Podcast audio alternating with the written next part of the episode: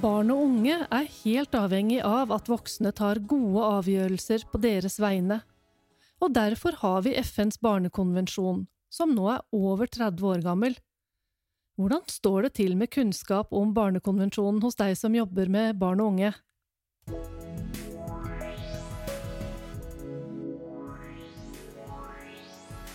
Dette er Veilederpod fra Visma, en podkast for ledere og ansatte i offentlig sektor. Enten du jobber med barn og unge i helsesektoren, i barnevernet, i skolen eller i en barnehage, ja, så er kunnskap om barnekonvensjonen viktig i det daglige arbeidet. Jeg heter Lisbeth Storvik Jacobsen, og i dag har jeg blant annet fått med meg Maria Tjaum Eimstad, som er styrer i Kvernaland barnehage i Time kommune. Velkommen, Maria. Tusen takk skal du ha, Lisbeth. Vi skal jo komme tilbake til deg ganske snart, eh, Maria, og da skal du få lov å fortelle litt om hvordan dere bruker Barnekonvensjonen i det daglige arbeidet i din barnehage. Men aller først så skal vi jo se nærmere på noen utvalgte artikler i Barnekonvensjonen som er viktig å kjenne til for alle dere som jobber med barn og unge. Vi pleier jo gjerne å starte litt med jussen i disse podkastene, altså det vi kan kalle det rettslige utgangspunktet, før vi går over til noen som bruker jussen i praksis. Og i dag har jeg fått med meg Veini Stakvik, som også jobber med veilederen, til å snakke litt om Barnekonvensjonen. Velkommen til deg første gang i podkaststudio, Veini. Tusen takk.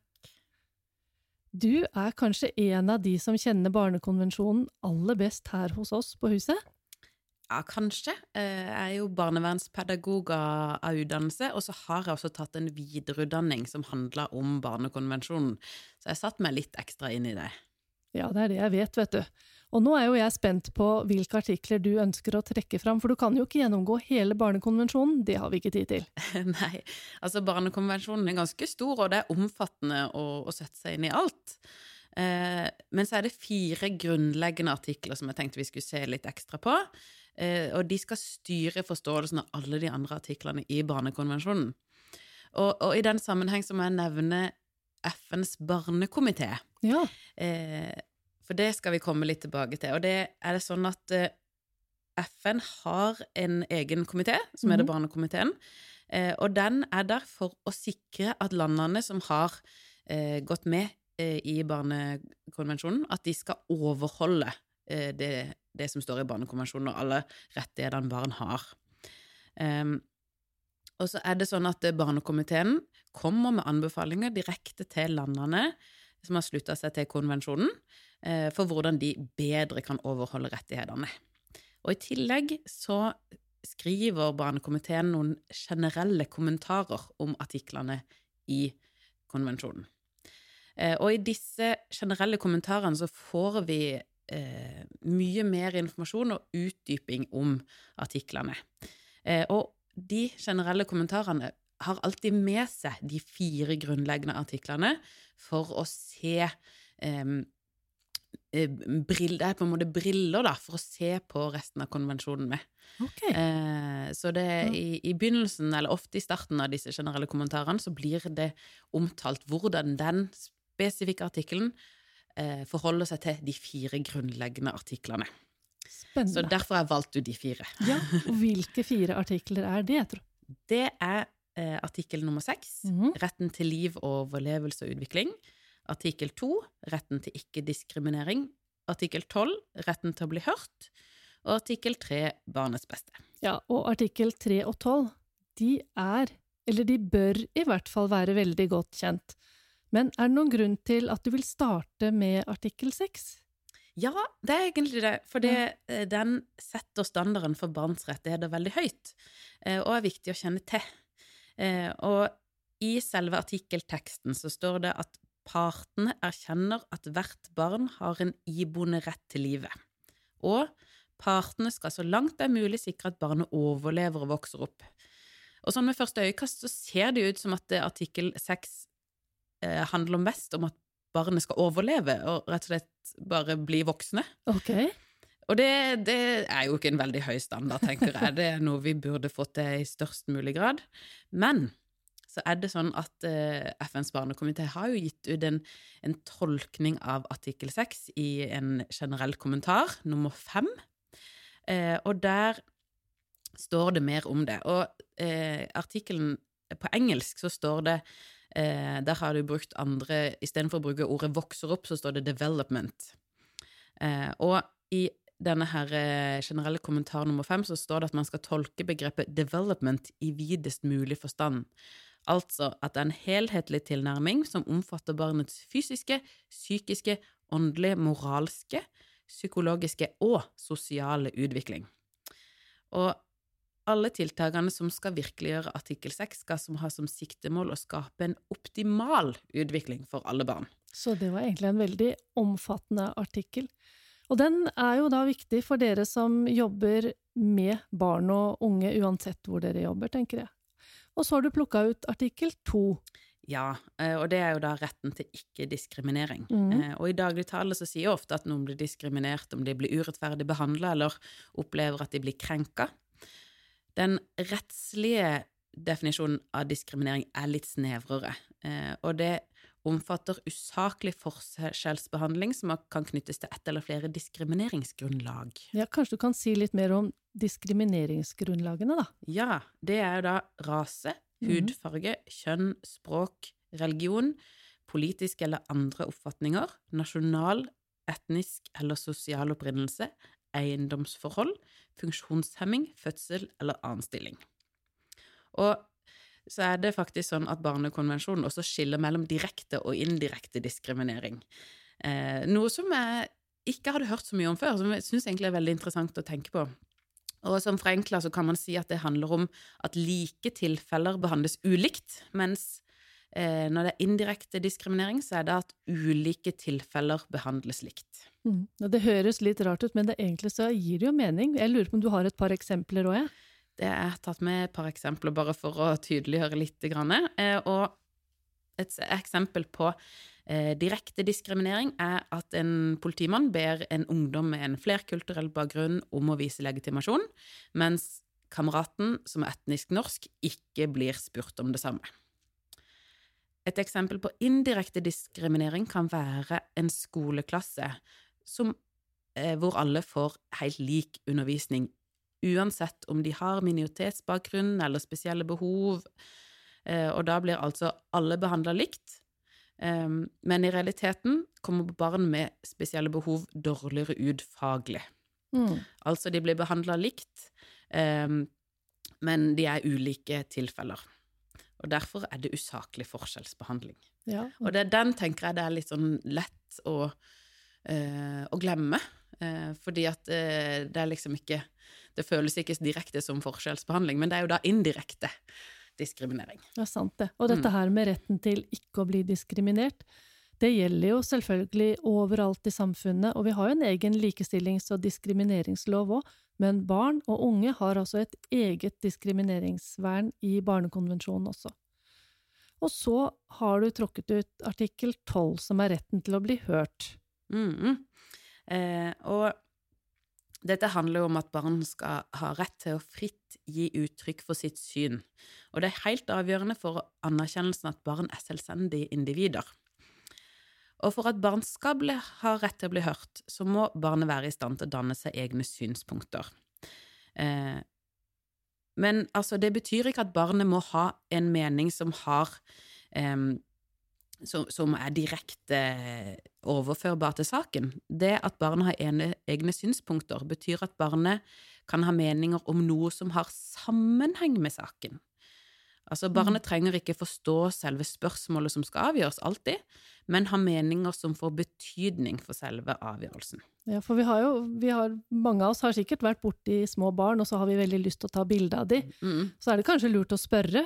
Eh, Mhm. Kanskje barnet også gir uttrykk for direkte at vet du hva, jeg har ikke lyst til å bli tatt bilde av. Mm. Um, og det er jo en mening, og den kan de jo ha helt til de, fra de er ganske små, faktisk. Absolutt. Men kanskje ikke de skjønner konsekvensen av at vi spør om vi kan legge det ut på Facebook eller sånn. Det Ja, og der Mm. kommer jo modning inn i bildet, Ja. ikke sant. Mm.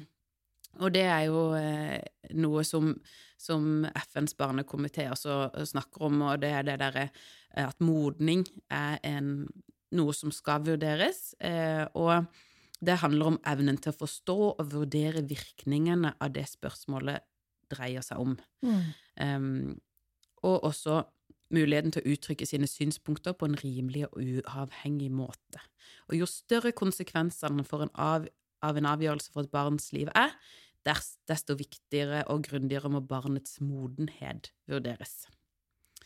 Og så må vi også nevne dette her med, med uttrykk at, at, det er ikke alltid eh, Det er ikke alltid alle barn har så godt muntlig og verbalt språk. Nei, det er sant.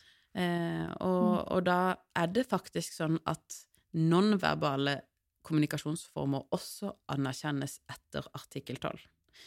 Ansiktsuttrykk, lek, tegning og maling er eksempler på sånne nonverbale kommunikasjonsformer, som også er måter å uttrykke seg på, og som også skal bli lytta til.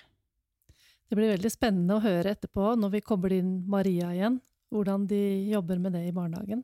Mm.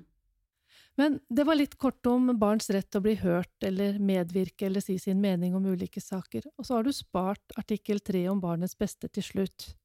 Hvorfor ja, det? Den er jo eh, Artikkel tre om barnets beste er jo Det gjennomsyrer jo mm. alt vi gjør når det gjelder barn. Um, og, eh, og, er også ganske komplisert uh, når man skal ta en barns beste-vurdering. Um, men aller først så er det jo barnets beste, artikkel 3 i Barnekonvensjonen, og så er det jo ofte den første delen, altså paragraf 1, vi snakker om da. Ja.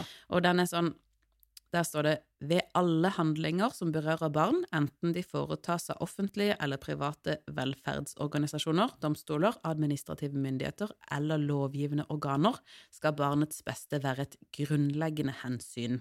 Ja, og så var det det med grunnleggende hensyn, da. Kanskje du skal utdype det litt? Ja, ikke sant, for det er jo sånn ja. type jussete ord. Hva ja. betyr egentlig dette? Um, og det betyr at barns beste ikke kan vurderes på samme nivå som andre hensyn. Det må ha en helt spesiell status. Uh, og det, uh, den sterke statusen, det blir rettferdiggjort av barns spesielle situasjon. Ikke sant? Barn er avhengig, ofte av voksne rundt seg. Eh, de har veldig forskjellig modenhet ut ifra alder og, og, og, også utvikling. Eh, barn har en annen juridisk status enn voksne har, de er jo ikke myndige, og ofte uten egen stemme. Så derfor så må barnets beste vurderes på en annen måte, og derfor er det et grunnleggende hensyn. Og så har jeg lyst til å, nevne at det der med barns beste, det er ikke Det skal ikke baseres på en subjektiv magefølelse. Jeg tror det er mange som har sittet rundt og tenkt ja, men det er jo ikke barnets beste. eh, for det syns jo ikke jeg. men, eh, men, det er jo mange eh, vi, kan, vi, har mange kilder på hva man skal ta med i en vurdering av barnets beste, for det skal være en konkret vurdering um, for å finne ut av hva som er det spesielle barnets beste, eller den spesielle gruppa med barns beste. Ja, kanskje du skal si litt om det også før vi går videre? Ja, eh, og FNs barnekomité har jo skrevet en generell kommentar om barns beste også, det er nummer 14, og da har de tatt med noen sånne forhold som man skal ta med, som bør vurderes iallfall når man skal finne ut av hva som er eh, barnets beste.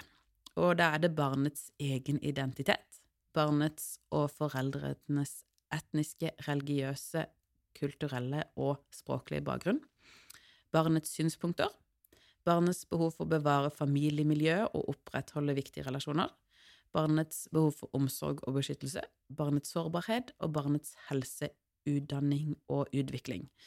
Og dette er jo da ikke en uttømmende liste, det blir jo framheva av barnekomiteen. Eh, men man bør alltid se gjennom er dette forholdet jeg skal ta med. Eh, og så må man se om man må ha med noen andre forhold også. Mm. Eh, og når man tar med disse her forholdene, så er det lettere å få gjennomført en litt mer objektiv vurdering. Og så er det også noen sånne prosessuelle garantier som man må ha med for å få korrekt gjennomføring av barns beste-vurdering. Ja, og der var jo litt eh, sånn jusse... Ja, det er litt jussete, det òg. Ja.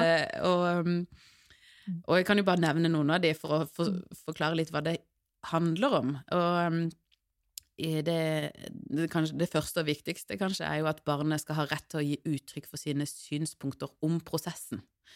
Altså i en saksbehandlingssituasjon å få, få lov til å si noe om hvordan dette gjennomføres. Og så er det jo det at det er viktig å få fakta på bordet, og også dette her med tid, at barn har en annen tidsoppfatning enn oss voksne, så derfor er det viktig å prioritere at eh, saker som handler om barn, blir gjennomført eh, saksbehandling på ganske raskt, blant annet i domstolene, for eksempel. Mm. Og så at det skal være kvalifiserte fagfolk eh, inn i den vurderinga. Eh, så det er jo litt om de eh, eh disse her prosessuelle garantiene. Mm. Men i hvilke sammenhenger er det viktig at de som jobber med barn og unge, foretar barnets beste-vurdering? For du kan jo ikke gjøre den fullskalaen sånn i alle Nei, ikke sant. Denne her eh, totrinnsprosedyren mm. er jo mest ment for disse eh, saksbehandlingssituasjonene eh, mm. som jeg snakker om, domstolene. Eh, også i, både i, barne, i, barnevern så er det jo mye saksbehandling, også i skoler, barnehager og helse. Ja, så driver man jo mm. med, med, å fatte vedtak på vegne av barn. Så det er jo ja. mye sånne vedtakssituasjoner. Eh, men samtidig så er det jo i alle beslutninger i hverdagen eh, som handler om barn, så må man res respektere og reflektere rundt hva som er barns beste. Og da er det jo fint å ta med seg disse her eh, forholdene som jeg snakka om i stad, eh, sånn at man klarer å ha eh, et mer objektivt eh, syn på barns beste, for eksempel. Ja. Og så må jeg bare nevne én ting til, ja. og det er det der med at barns beste er et sånt eh, dynamisk begrep. Og det eh, er jo noe som barnekomiteen også tar med, at det, det endrer seg hele tida. Det er ikke sånn at barnets beste eh, på 70-tallet er det samme som vi anser som barns beste i dag. Og så er det jo forskjell fra barn til barn. Barn er forskjellige. Mm. Så det, det, som er barns beste for det ene barnet, er kanskje ikke det samme barns beste for det andre barnet. Og det er kjempeviktig. Ikke sant? Ja. Eh, så derfor er det viktig å kjenne barnet godt og få inn eh, mye informasjon om barnet. Og også det med å følge med på eh, forskning Eh, på barn og barns utvikling. Følger med på eh, hva som skjer innenfor eh, domstolene, høyesterettsdommer f.eks. Sånn at man mm. får med seg hva er det som skjer med hva vi anser som barns beste, mm. barnets beste. Mm. Og det igjen og skal jo bli litt artig å høre med Maria om etterpå. Men dere, dette her med barnets beste og barns rett til å medvirke, det er jo også tatt inn i barnevernloven, barnevernsloven heter den nå, Mm. Barnehageloven, opplæringslov, pasient- og brukerrettighetslov, forvaltningslov, det er bare for å nevne noen. Og det er kanskje ikke alle som tenker på at alt dette har sitt utspring i Barnekonvensjonen? Nei, det, du har nok rett i det. Eh, det er jo sånn at Barnekonvensjonen, og også alle andre internasjonale konvensjoner som, som Norge har eh, gått inn i avtale om, de har høyere rang som rettskilde enn vanlig nasjonal lov. Og med motstrid så trumfer jo faktisk Barnekonvensjonen norsk lov. Ja.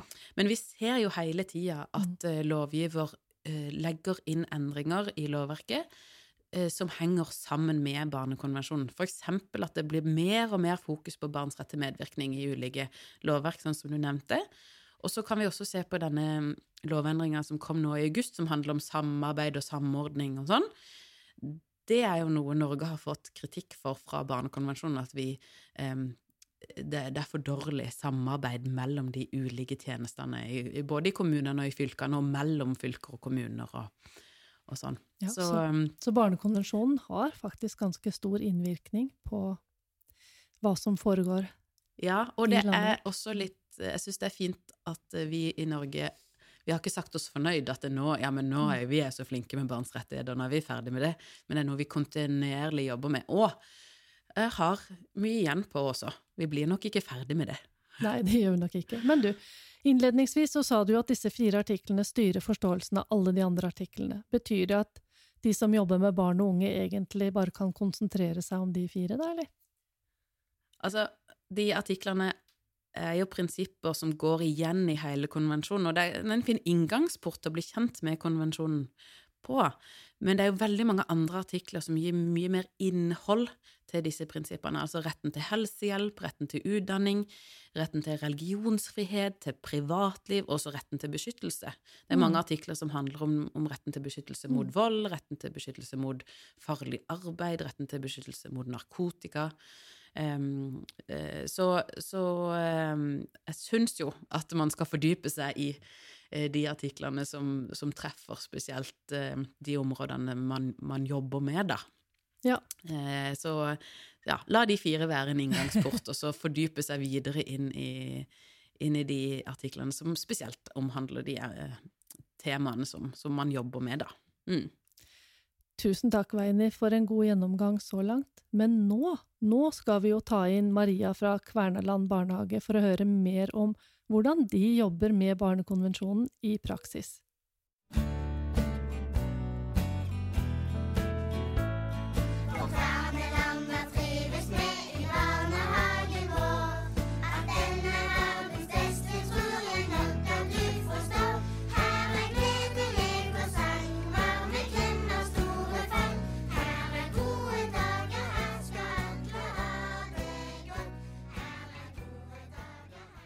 Hei, Maria. Nå har du hørt på det Veini har fortalt om Barnekonvensjonen. Hva tenker du da om de fire grunnleggende artiklene som Veini presenterte for oss nå? Jeg tenker at hun har trukket fram eh, fire av de viktige, som vi òg bygger mye av vår barnehagedrift på. Så det er fire viktige. Men jeg, jeg opplever jo òg at de går litt inn i hverandre, alt etter hva slags tekst du leser og, og forholder deg til i lovverk og, og, òg i konvensjonen sjøl. Ja, har du lyst til å kommentere det, Veini? Ja, det er jo eh, det, De har jo veldig Vi ser jo at veldig mange av disse artiklene går igjen i, i mange av de andre artiklene. Altså barns beste blir jo nevnt i mange andre sammenhenger. Diskriminering er jo også gjennomgående, så det er jo det som gjør at de blir en sånn grunnleggende eh, Får en sånn status som grunnleggende artikler. Eh, fordi at det, det, det er temaer som gjennomsyrer hele konvensjonen, egentlig. Eh, og som også vi kan se igjen i veldig mange av lovverkene som omhandler barn og ungdom. Mm. Mm. Men det virker som, Maria, at du kjenner igjen eh, de artiklene her, i hvert fall. Ja, eh, Mm. de artiklene er jo med å gjennomsyre det vi gjør i Mhm. barnehagen.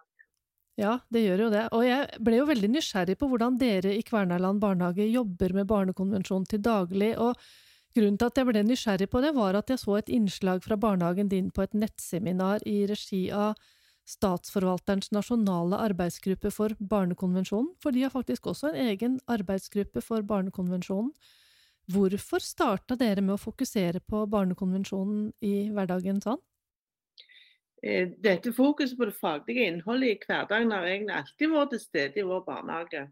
Vi er jo så heldige at vi bor i Norge, Ja, og de slutta seg til FNs barnekonvensjon og bygge mm. verdigrunnlaget ut ifra dette for barnehagene. ja, hva tenker du på da? Eh, nei, vi har nok ikke vært så bevisste på at med vår ramme for barnehagedrift var forenlige med barnekonvensjonen før de siste årene, egentlig. Og da har det òg fått et større fokus fra vår side. At det er faktisk rammene for barnekonvensjonen vi jobber med. Ja, ikke sant? At dere har egentlig jobba mye med det, og ikke tenkt på at dette er barnekonvensjonen. Ja. Og for å være en, en trygg og framtidsrettet barnehage, så jobber vi med det psykososiale miljøet som verdigrunnlag, og at det verdigrunnlaget fremmer en felles forståelse fra personalet, der den autoritative voksenstilen er vårt fokus. Og dette er veldig forenlig med, med det som de artiklene sier. Ja. Autorativ Auto, Jeg vet ikke om jeg sa det riktig engang. Kan, kan du si én setning for å forklare for meg som ikke er eh, helt inne i akkurat det her? Ja, det er en bestemt måte å utøve voksenrollen på, som viser i- gjennom forskning at det er, er bedre voksenstil for utviklingen hos barn og unge. Og den fungerer like godt for foreldre, for ansatte i barnehagen og skolen. Og det er Baumring eh, som har forska på dette, og vi har lest mye bøker av som Pål Roland med flere har skrevet om denne oppdragerstilen. Autoritativ voksenrolle. Akkurat så det er det med varme og forståelse og tydelige krav og forventninger. Er det det som det, det går på? Ja, det stemmer. Men unnskyld at jeg avbrøt deg, for du var egentlig midt inne i noe i stad. I tillegg, I tillegg så arbeider vi veldig systematisk med evaluering og refleksjon, vurdering og medvirkning. Og vi ser alltid mot forskning og utviklingstrender. Ja, det var det Veini snakka om i stad, at man Ja. måtte holde seg oppdatert på forskning. Og vi, Mm. vi har vært, eh, Helt fra vi starta barnehagen vår i 2009, så har vi vært praksisbarnehage og tatt imot studenter, barnehagelærerstudenter. Og vi har vært med i flere internasjonale prosjekter og fått samarbeide med barnehager fra mange europeiske land og fått deres perspektiver. Og de har kommet til oss og stilt oss spørsmål, sånn at vi har hele veien fått evaluert vår egen drift.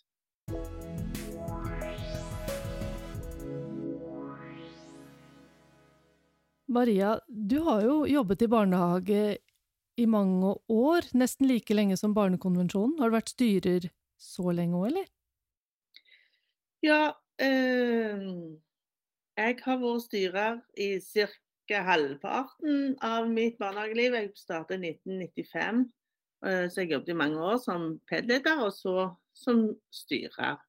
Og det var ikke før jeg var styrer at Barnekonvensjonen kom sånn inn i, inn i, i mitt liv, skulle jeg si. Nei. Jeg hadde lest barnehageloven og det bygde på det, men jeg tenkte ikke noe særlig over det. Men hvordan jobber dere med den i praksis, da? Ja, I praksis gjennomsyrer Barnekonvensjonen alt vi arbeider med. Eh, Det er bare det at vi ikke har vært så bevisst at det er det faktisk som eh, styrer oss. Nei, ikke sant? Jeg er veldig spent på, på hvordan dere gjør dette, både med barns beste og også barn, at barn skal få medvirke i, i barnehagen. Så det lurer jeg blir veldig spent på å høre mer om. Ja, eh, vi har vært veldig bevisste på dette. F.eks. dette med artikkel 23, der med at alle skal, skal delta og ha et eh, tilbud tilpassa sin uh, mestring. Vi skulle reise på en tur, eller gå på en tur med andre barnehager i lag med alle femåringene våre. Og da var det den andre barnehagen som skulle planlegge turen. Og de planla at vi skulle besøke et område som var veldig ulendt, og med en del myr. Og vi hadde et barn som var avhengig av vogn, og spurte om vi kunne endre turmålet pga. det. Og da fikk vi svaret fra den andre barnehagen at dette var unødvendig, så lenge det bare var snakk om ett barn som ikke kunne. øh, om ikke det barnet kunne bare være igjen i barnehagen. Mm -hmm. Jeg mener at det, eh, det bør kunne gå an å gjøre, finne et område som alle kan besøke, uavhengig av fysisk funksjonsnedsettelse, og sånn ble det. Det er viktig for oss å tilrettelegge sånn at alle ungene kan delta og utvikle seg og lære, og ikke bare delvis. Dette her var jo et veldig godt eksempel på dette her med ikke-diskriminering, syns nå jeg. Ja, det var det. Ja. Så det er jo veldig fint at dere følger opp det. Men det her med barnets rett til å bli hørt eller medvirke, det er jo også en av de viktige artiklene i Barnekonvensjonen som er veldig fokus nasjonalt.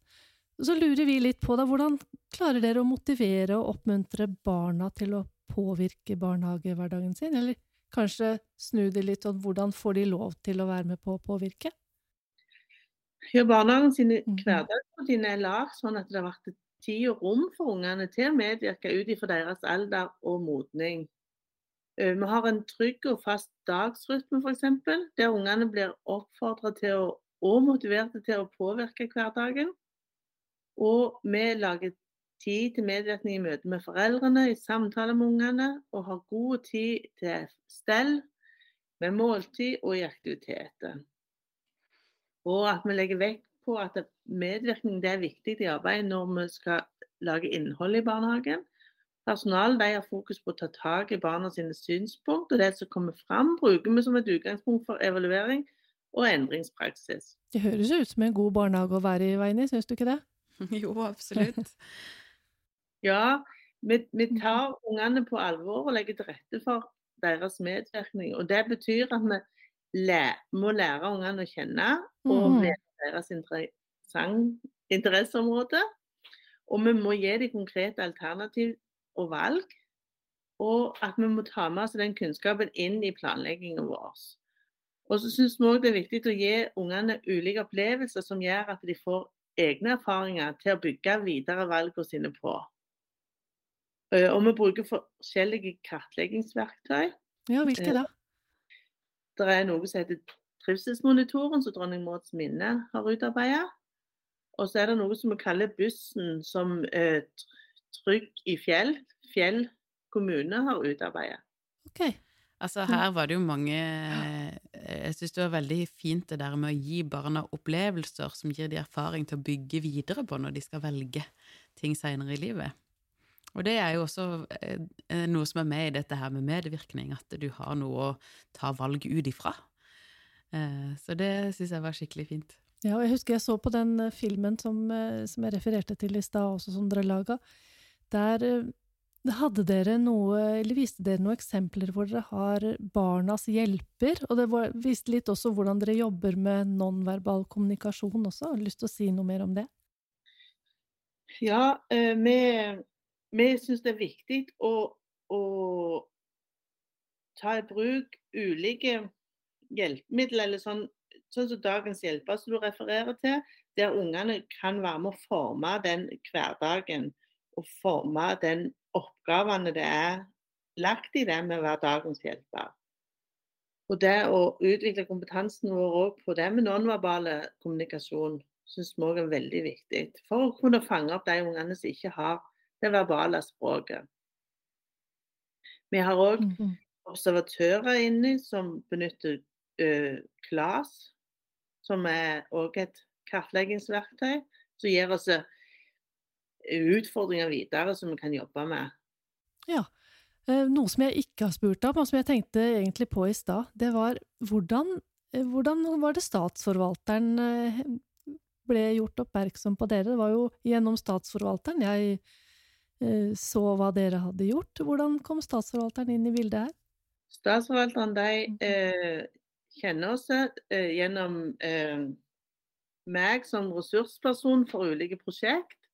Og så hadde de hørt om at vi skulle reise ut i Europa for å se på, på dette med barnekonvensjon. Og at vi òg hadde et godt arbeid lagt ned i det. Så utfordra de oss på å lage en film som synliggjorde arbeidet vårt. Ja, for det, var, det er jo veldig morsomt. Og det er jo lov å få lov, eller artig å få lov å skinne litt òg, da, er det ikke det? Eh, vi synes det viktige er at det er eh, hold bak de ordene som jeg sier, at det, det kommer fram i hverdagen til ungene, og ikke er bare fine ord. Kjempeviktig. Det er veldig artig å høre hvordan dere jobber i praksis.